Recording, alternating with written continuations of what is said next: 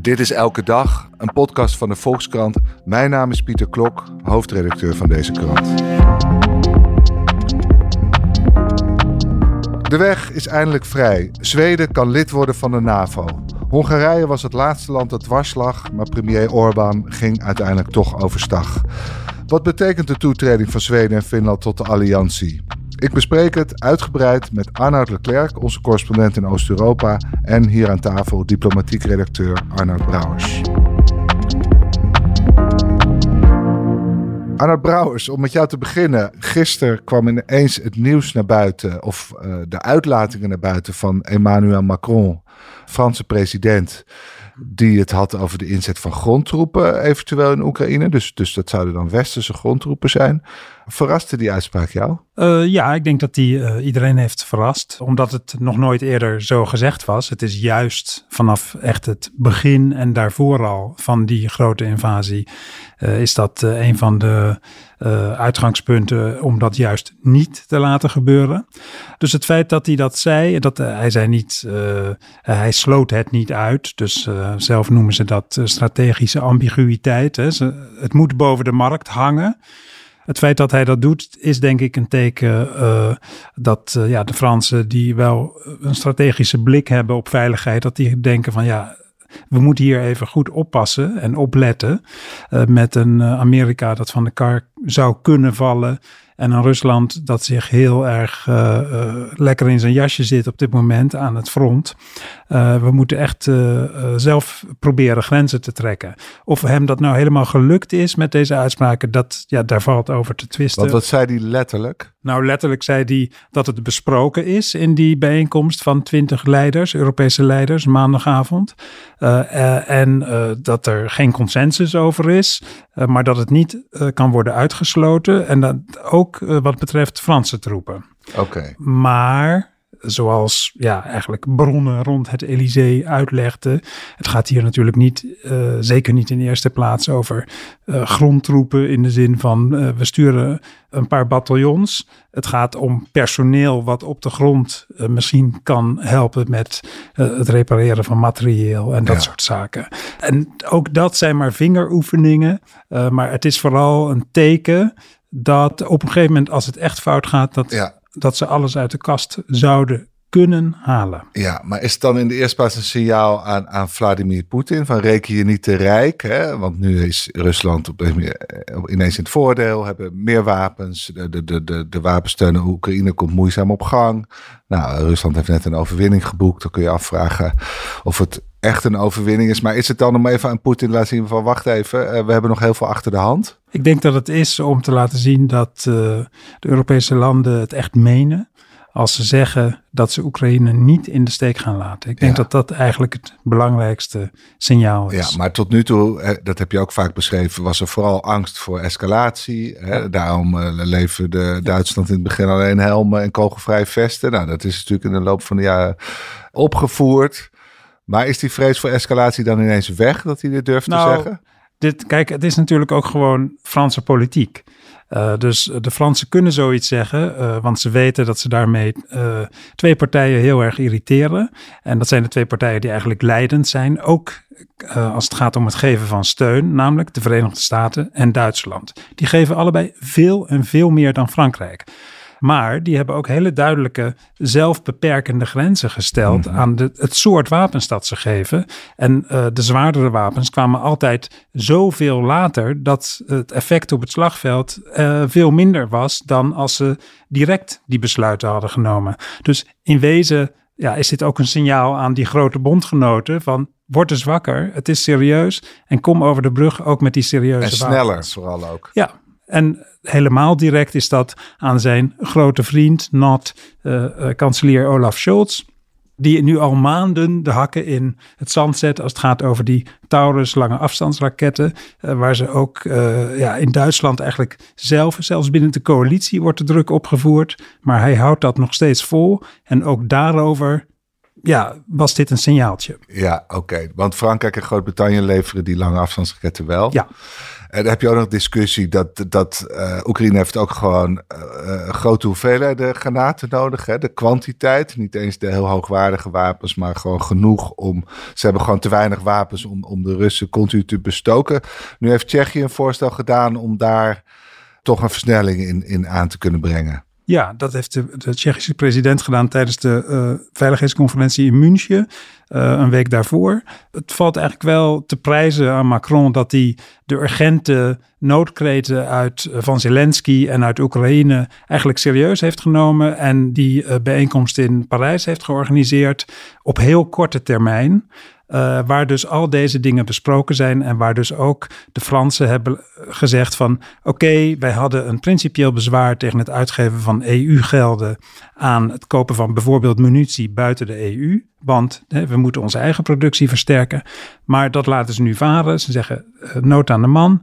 Eh, koop het waar je het kunt kopen. Nou, dus dat zijn allemaal dingen die wel degelijk echt concreet kunnen ja, helpen. Dus we hadden eerst al de Denen die zeiden, nou, uh, we, we leveren onze eigen voorraad, want, ja. want we kunnen niet wachten. Ja. Dat was al een majeure stap, denk ik. Krijgt hij al navolging? Nog niet, maar er zijn natuurlijk zeker landen die, die dat ook zouden, zouden kunnen, kunnen doen. doen. En ja. nu de tweede stap is haal het uit. Ja. Waar haal je het dan? Wat is dan een goede plek om het vandaan nou, te halen? Nou, de, de Tsjechen, die, dat is heel uh, grappig. Dat gebeurt eigenlijk al veel langer. Maar die zeggen dus dat ze buiten de EU-landen bereid hebben gevonden. Ik heb geen lijstje gezien van landen die dat betreft, die het kunnen verkopen. Ja. Die het hebben in hun voorraadkamers en die het uh, op korte termijn kunnen verkopen. Maar dan moet je ook de financiering heel snel rondkrijgen. Uh, en dan moet je het heel snel gaan ophalen en brengen. Uh, want het is vooral de komende maanden in Oekraïne dat inderdaad bijvoorbeeld het tekort aan artillerie, granaten, ja, het grootste is. Dus je moet snel handelen. Ja, nog even om het plaatje helemaal uh, compleet te krijgen.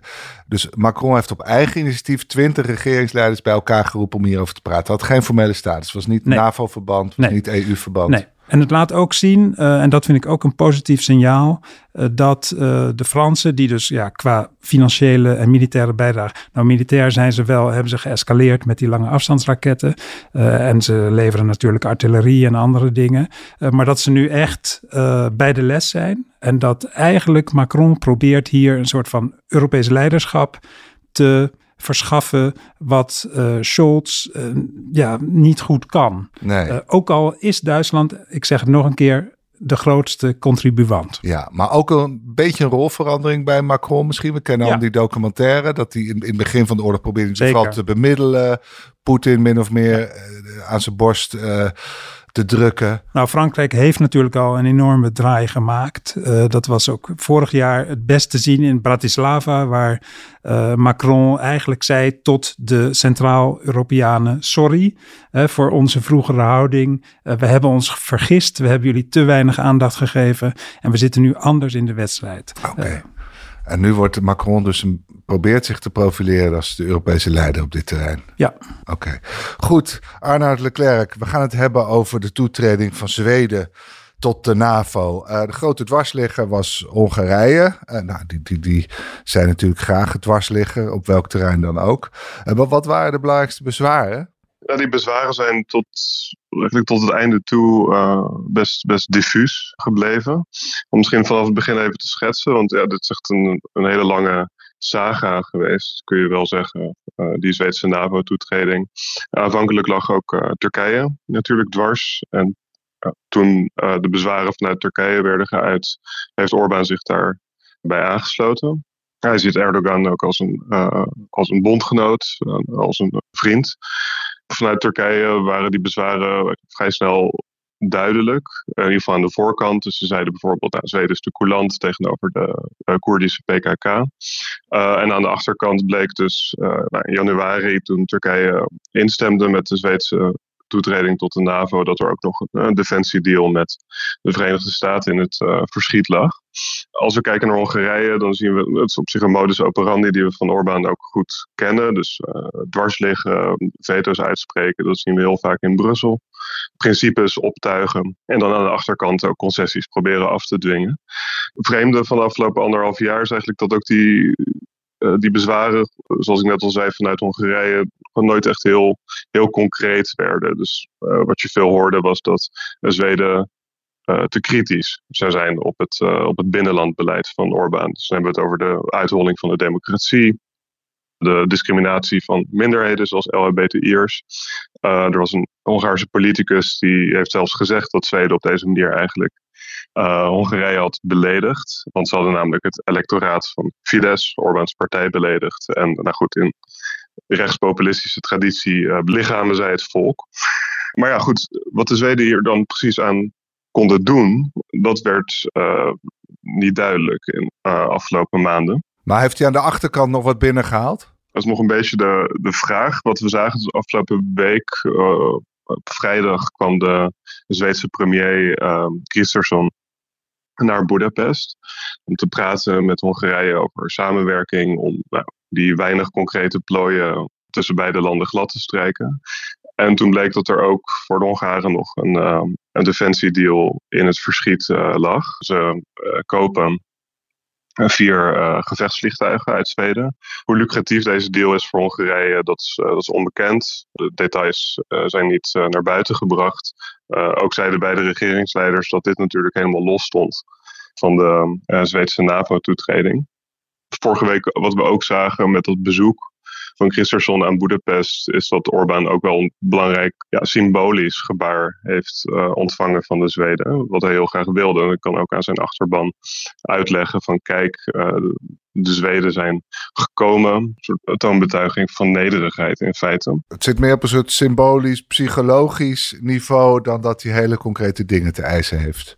Arnoud, hoe kijk jij hier tegenaan? Ja, ik denk dat uh, binnen de NAVO dit wordt gezien als echt een van de meest belachelijke diplomatieke uh, avonturen van de afgelopen anderhalf jaar. Uh, Orbán had, ik bedoel, hij, hij heeft in het begin zich achter Erdogan geschaard. Daar kun je nog iets bij voorstellen. Maar hij had helemaal geen eisen. En hij heeft ook helemaal niks gekregen. Uh, dus het slaat gewoon eigenlijk helemaal net. Nee, ja, maar ik neem aan dat, hij daar, dat daar moet hij gewoon netjes voor betalen. En die kopen ze al twintig jaar. Uh, dus het is eigenlijk gewoon hete lucht en verder helemaal niets. Uh, en het bevestigt uh, dat, uh, dat die man zich belachelijk maakt in de internationale diplomatie. En het bevestigt ook zijn isolement.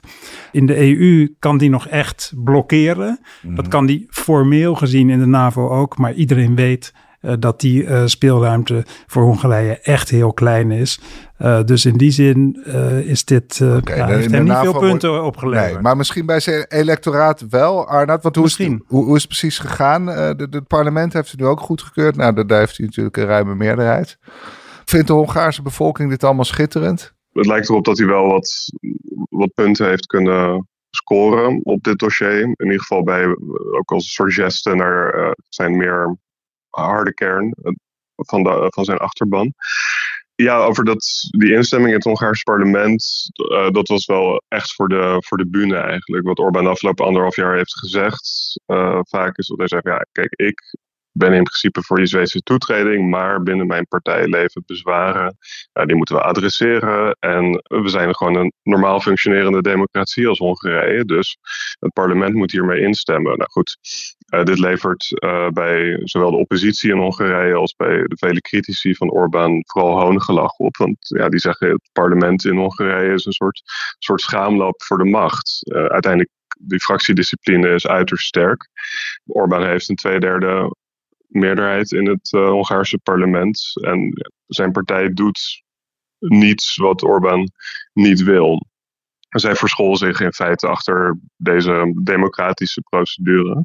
En je ziet dus ook dat er ja, wel opeens schot in dat dossier ziet als nou, Orbán in elk geval heeft bereikt wat hij kennelijk wilde bereiken afgelopen vrijdag met dat bezoek. Maar zou er ook nog een soort verborgen, of, of, of niet altijd verborgen sympathie voor Poetin een rol hebben gespeeld? Ja, je ziet in Orbáns gehele opstelling, ook uh, binnen de NAVO, uh, sinds de grootschalige invasie van Oekraïne, dat uh, ja, regelmatig soort van signalen afgeeft aan, aan Poetin. En goed, hij is ook een van de weinige, of misschien nog wel de enige leider in Europa die nog enigszins warme betrekkingen onderhoudt met Rusland. Er zit ook een soort, aan de ene kant uh, ja, ook wel een afhankelijkheid in. in het begin van de oorlog bleek Russisch gas vrij belangrijk voor Hongarije. Ook omdat Orbán als cadeautje naar de kiezers toe de gasprijzen drukt. Tegelijkertijd wordt er ook nog steeds een kerncentrale gebouwd in Hongarije. Uh, met horten en stoten weliswaar. Maar dat is ook uh, ja, onder leiding van, van Rosatom, het Russische atoombedrijf. De PAX 2 heet die kernreactor. Dus er zitten ook wel nog steeds banden die niet per se diplomatiek, maar meer economisch zijn. Tegelijkertijd ja, dus zit het ook een beetje in het wereldbeeld van Orbán, dat alles behalve coherent is. Uh, maar hij zegt regelmatig van ja, Hongarije is een soort land dat tussen allerlei grote blokken in zit. We moeten er niet voor kiezen om onderdeel te worden van zo'n blok. Nou, dat is eigenlijk al een tegenstrijdigheid, want Hongarije is lid van zowel de EU als van de NAVO, dus hij zit in zo'n blok. Uh, maar het idee van Orbaans buitenlandpolitiek, en dat is al heel lang zo, is om een soort van te laveren tussen de EU, de VS, Rusland, China, Turkije. Uh, maar ja, dat is wel natuurlijk een uh, strategie die sinds we oorlog hebben in Europa veel moeilijker is geworden. Goed, Arnoud, Zweden en Finland komen dus bij de NAVO. Uh, hoe belangrijk is dat? En, en ook nog even misschien, waarom heeft het zo lang geduurd? Want het ziet er eigenlijk heel logisch uit dat ze erbij gaan horen. En... Nou, ze zijn natuurlijk allebei uh, uh, traditioneel neutraal. Zweden al 200 jaar en Finland na de oorlog. Het is echt het schokeffect van, de, van Poetins grote invasie geweest dat de bevolkingen in beide landen heeft uh, ja, van mening doen veranderen. Mm -hmm. uh, en dus eigenlijk heel snel een, een, nieuwe ja, consensus, nou bijna consensus, doen ontstaan, grote meerderheden in elk geval, uh, voor NAVO-lidmaatschap. en dat is, ja, dat moet je ook altijd in je achterhoofd houden als je gaat proberen te schetsen hoe het nou zit met, met deze oorlog op strategisch gebied is dit natuurlijk een enorme uh, nederlaag voor Poetin. Er zitten allerlei nederlagen in deze oorlog voor Poetin, maar dit is er zeker één van. Want tot hij deze radicale stap zette, uh, waren deze twee landen dat, dat eigenlijk niet van plan. Uh, ze gingen wel nauwer met de NAVO samenwerken, onder andere door troepen te sturen naar Afghanistan en dat soort missies. Maar dit, dit stond eigenlijk niet zozeer op de agenda. Nee, en, en, en wat is de belangrijkste toevoeging aan de NAVO van, van beide landen? Nou, het, het, het versterkt de NAVO, het versterkt de verdediging uh, van die regio. Het maakt de Oostzee tot een, uh, een, een NAVO-meer. Het brengt twee kleinere landen in de NAVO die heel erg alert zijn op hun defensie. Mhm. Eh, en daar ook heel lang en goed over nagedacht hebben. Ze hebben allebei krijgsmachten waar, waar Nederlandse generaals alleen maar van kunnen dromen. Uh, ze hebben, uh, Finland heeft meer dan 200 Leopard tanks. Nederland leest er 17. Zweden heeft ook meer dan 100 tanks. Zweden heeft echt een moderne luchtmacht met gevechtsvliegtuigen die ze zelf produceren. Zweden heeft vier onderzeeboten en is bezig met de bouw van twee nieuwe die over een paar jaar instromen. En ze hebben allebei een concept van een soort van totale verdediging. Dus ze hebben nagedacht over wat als ze worden aangevallen. Wat is dan de rol van de rest van de bevolking? Niet alleen van de militairen, maar van de andere mensen in het land. En ook dat is iets waar je in Nederland, waar ze eigenlijk nu ook over na beginnen te denken. Van hoe kun je een kleine, want het zijn natuurlijk kleine defensieorganisatie, in geval van echt zo'n aanval, wat dus nu niet meer wordt uitgesloten, mhm. dat dat zou kunnen gebeuren. Het is niet waarschijnlijk, maar het zou kunnen gebeuren. Hoe kun je dan in heel korte tijd een kleine defensieorganisatie als een soort ballon groter mhm. maken? Nou, daar, daar zijn die landen veel verder in dan andere landen in Europa. Dus in die zin is het een versterking. Het laatste wat ik zou willen zeggen is ook politiek is het handig. Uh, want het brengt uh, twee EU lidstaten in de NAVO, waardoor het eigenlijk uh, makkelijker wordt om een, de Europese poot van de NAVO dingen te laten doen. En dat is natuurlijk ja, steeds actueler met een onzekerder. Je wordt minder afhankelijk van Amerika. Nou, je blijft afhankelijk van wat ze noemen de uh, strategic enablers. Dus de, de middelen die eigenlijk alleen de Amerikanen hebben en die je nodig hebt om uh, in het hoogste geweldspectrum uh, militair conflict uit te vechten. Dat hou je. Maar de Europese poot van die NAVO, die is wel degelijk, uh, wordt echt versterkt. Ja, maar kun je nou zeggen dat, dat Zweden en Finland, omdat ze eigenlijk niet konden rekenen op de bescherming van de NAVO, hè, artikel 5, dat Amerika te hulp komt als een ander land jou binnenvalt, dat ze daardoor eigenlijk zich veel meer hebben doorontwikkeld in hun defensie dan landen als Nederland? Nou, dat weet ik niet. Misschien. Misschien. Ik denk dat geografie hier de allerbelangrijkste rol speelt en geschiedenis. In het geval van Finland zeker. En Zweden ook Want die eigenlijk. hebben vaker natuurlijk invallen van Rusland te verduren gehad. Uh, nou, de Finnen uh, nog niet zo lang geleden. Ja. In de Tweede Wereldoorlog. Dat speelt allemaal, denk ik, een hele belangrijke rol. Maar de overgang, dat is echt een soort uh, ja, elementair gevoel. Dat je, als je niet onder die nucleaire paraplu van de Amerikanen zit, dat je exposed bent. En Oekraïne is daar natuurlijk het perfecte mm. voorbeeld van. Uh, je kunt met die mensen allerlei vriendschapsverdragen sluiten, associatieakkoorden, handelsmissies sturen, parlementariërs op Maidan laten juichen. Maar het gaat je niet redden op het moment dat Vladimir Poetin jouw land wil veroveren. Nee. En dat hebben zij op dat moment beseft. En zij hebben gezegd: wij hebben. Wij moeten onder die afschrikking van de NAVO zitten.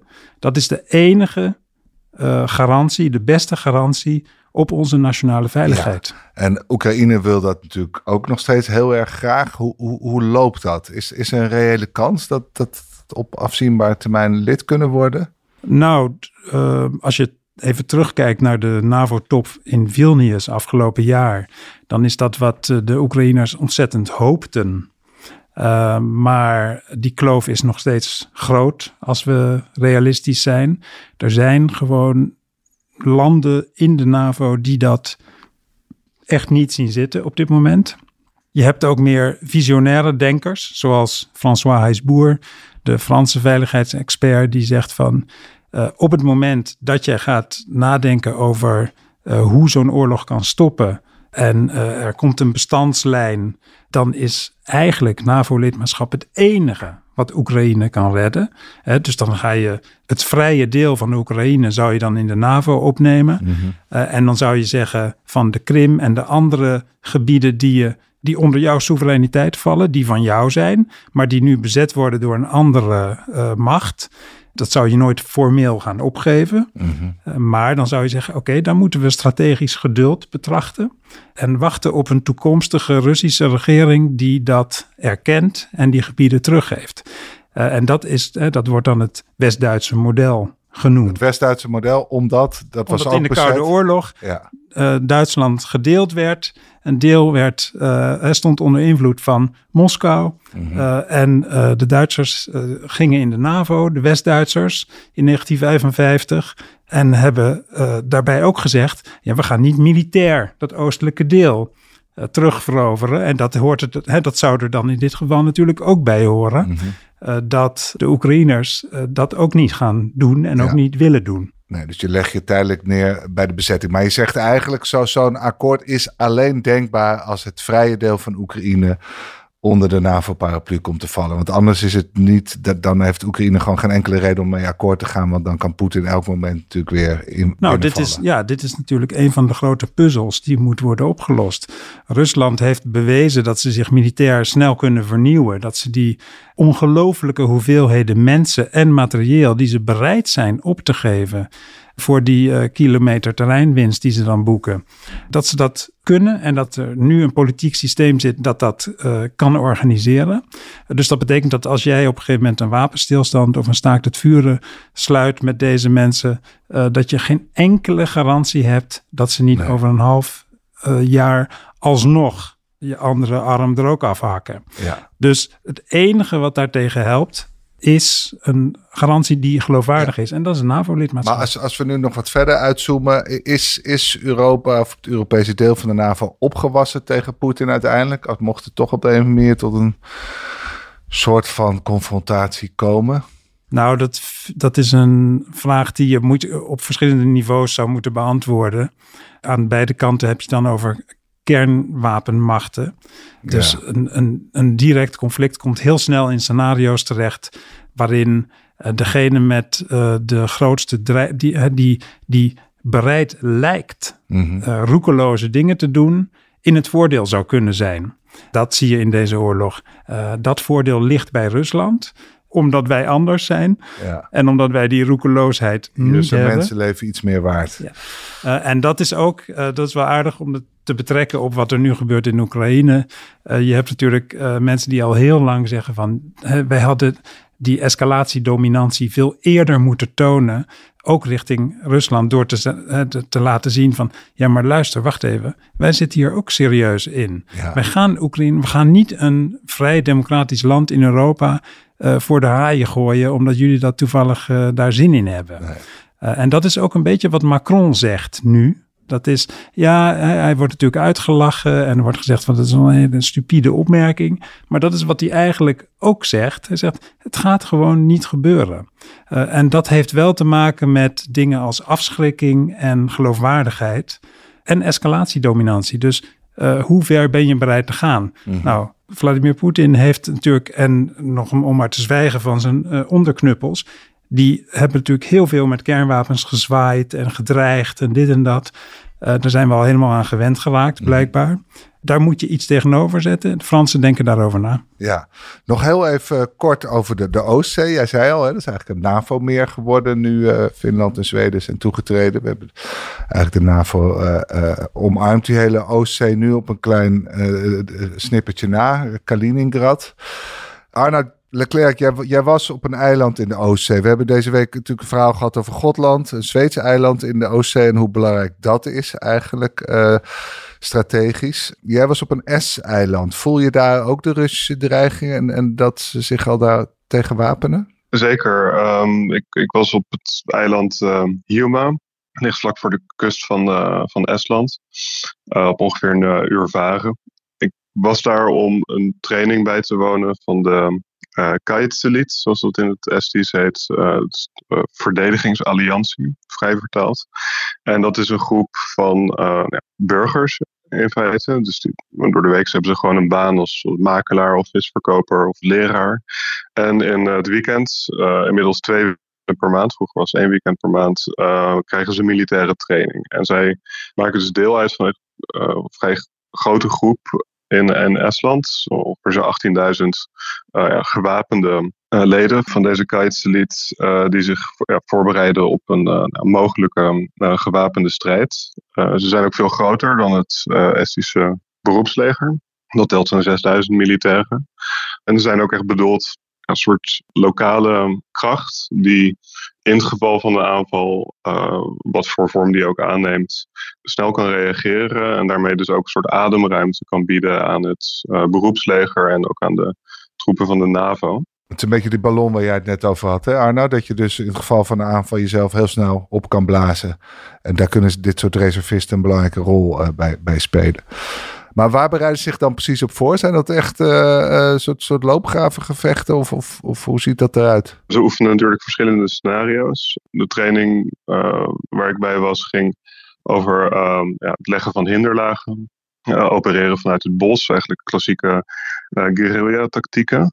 Ik sprak met Major die ons die dag op sleeptouw nam. En volgens hem was het ook een van de scenario's waar ze zich op, um, op voorbereiden hij zei zelf ook van ja, het is natuurlijk aan de ene kant is het het doel om, uh, om voorbereid te zijn, maar het doel is ook, ook afschrikking richting, uh, richting Rusland. Wat Arnoud net zei, hij zei van ja, onze boodschap of wat wij hiermee willen laten zien aan Poetin of aan Rusland is van ja, als je hier komt, als je één voet over die grens zet, dan wordt het echt één grote klerenbende. En we zullen proberen zoveel mogelijk van jullie om te brengen als mogelijk is. Ik wil op het eind nog heel even naar Mark Rutte. Die, die, die nieuwe grotere NAVO moet gaan leiden. Is dat nou al een kan en kruiken, Arnoud? Of moet de, de, de, de concurrent die zich heeft gemeld... de Roemeense president Klaus Johannes nog een serieuze kans geven? Uh, nee, dat laatste denk ik niet. In kan en kruiken, hij is eigenlijk al maanden... Uh, hebben de grote landen, de VS, uh, Frankrijk, Duitsland... gezegd, de Britten... wij zijn voor Mark Rutte. Wij hmm. steunen zijn kandidatuur... Dus in die zin vond ik het niet echt opzienbarend wat er vorige week gebeurde. Ik vond het wel, ja, ik vond het eigenlijk een beetje een. Eh, het verbaasde me wel. Want Ik vond het eigenlijk een teken dat, van zwakte. Dat die grootmachten toch bekend maakten, wij staan Ja, dat die Rutte. vier landen opeens zeggen, nog een keer hard, maar dan nu hard, harder, harder op. Zeggen van wij steunen Rutte. Uh, ik vond het eigenlijk een teken van zwakte, omdat uh, je wilt dat er binnen zo'n bondgenootschap echt consensus is over die kandidaat. Het is ook heel duidelijk dat er echt reserves zijn over uh, uh, bijvoorbeeld Kaya Kallas, uh, waarvan je zou kunnen zeggen, zij is eigenlijk de, de premier, betere kandidaat. Premier van Estland. Estland, ja. Ze heeft minstens zulke goede communicatieve gaven als Rutte. maar ja, zij komt uit een land dat grenst aan zeg maar het oorlogsgebied of het Mhm. crisis. En, en daar is gewoon koudwatervrees hoe lang die landen ook al tot de NAVO zijn toegetreden om een keer een secretaris-generaal uit een nieuwe, tussen aanhalingstekens, lidstaat te nemen. Ja, want van oudsher komen ze uit of Denemarken of Nederland zo'n beetje. Ja, omdat, omdat er om allerlei andere redenen alle andere kandidaten altijd afvallen, komen ze bij, bij die compromissen vaak Maar hij uit, gaat het dus waarschijnlijk gewoon worden. Of moet hij ook achter de schermen nog eerst wat concessies worden gedaan aan Oost-Europa en dan kan hij alsnog door. Nee, ik vermoed eh, dat als die grote landen dat willen, dat het ook gaat gebeuren. Het is nog wel onduidelijk wanneer. Want uh, er staan dit jaar een paar grote dingen te gebeuren. Dus je, het uh, uh, 75 jaar NAVO-verdrag, de grote top in Washington. En het is voor mij nog Wanneer een die? open. Die is in juli. Mm -hmm. Het is voor mij een open vraag uh, of, uh, of dat al uh, Rutte zal zijn. Want je kunt ook voorstellen dat Stoltenberg zijn periode graag zou willen afmaken met, de, met deze gebeurtenissen. historische gebeurtenissen. Ja. En daarna het overgeven. En dat zou betekenen dat Rutte nog even hier door kan werken als de Tweede Kamer dat ook hem goed vindt. toestaat. Goed. Ja. Mag ik jullie allebei heel hartelijk danken voor jullie heldere en uitgebreide uitleg. Graag gedaan. Graag gedaan. En u luisteraar, dank voor het luisteren. De Volkskrant Elke Dag wordt gemaakt door Lotte Grimbergen, Rinky Bartels, Julia van Alem, Corinne van Duin, Jasper Veenstra en Nathalie Denis. En wilt u de Volkskrant steunen? Neem dan een abonnement. Dat kan nu voordelig via volkskrant.nl slash podcastactie. Want deze podcast is gratis, maar onze journalistiek is dat niet. Morgen zijn we er weer. Tot dan.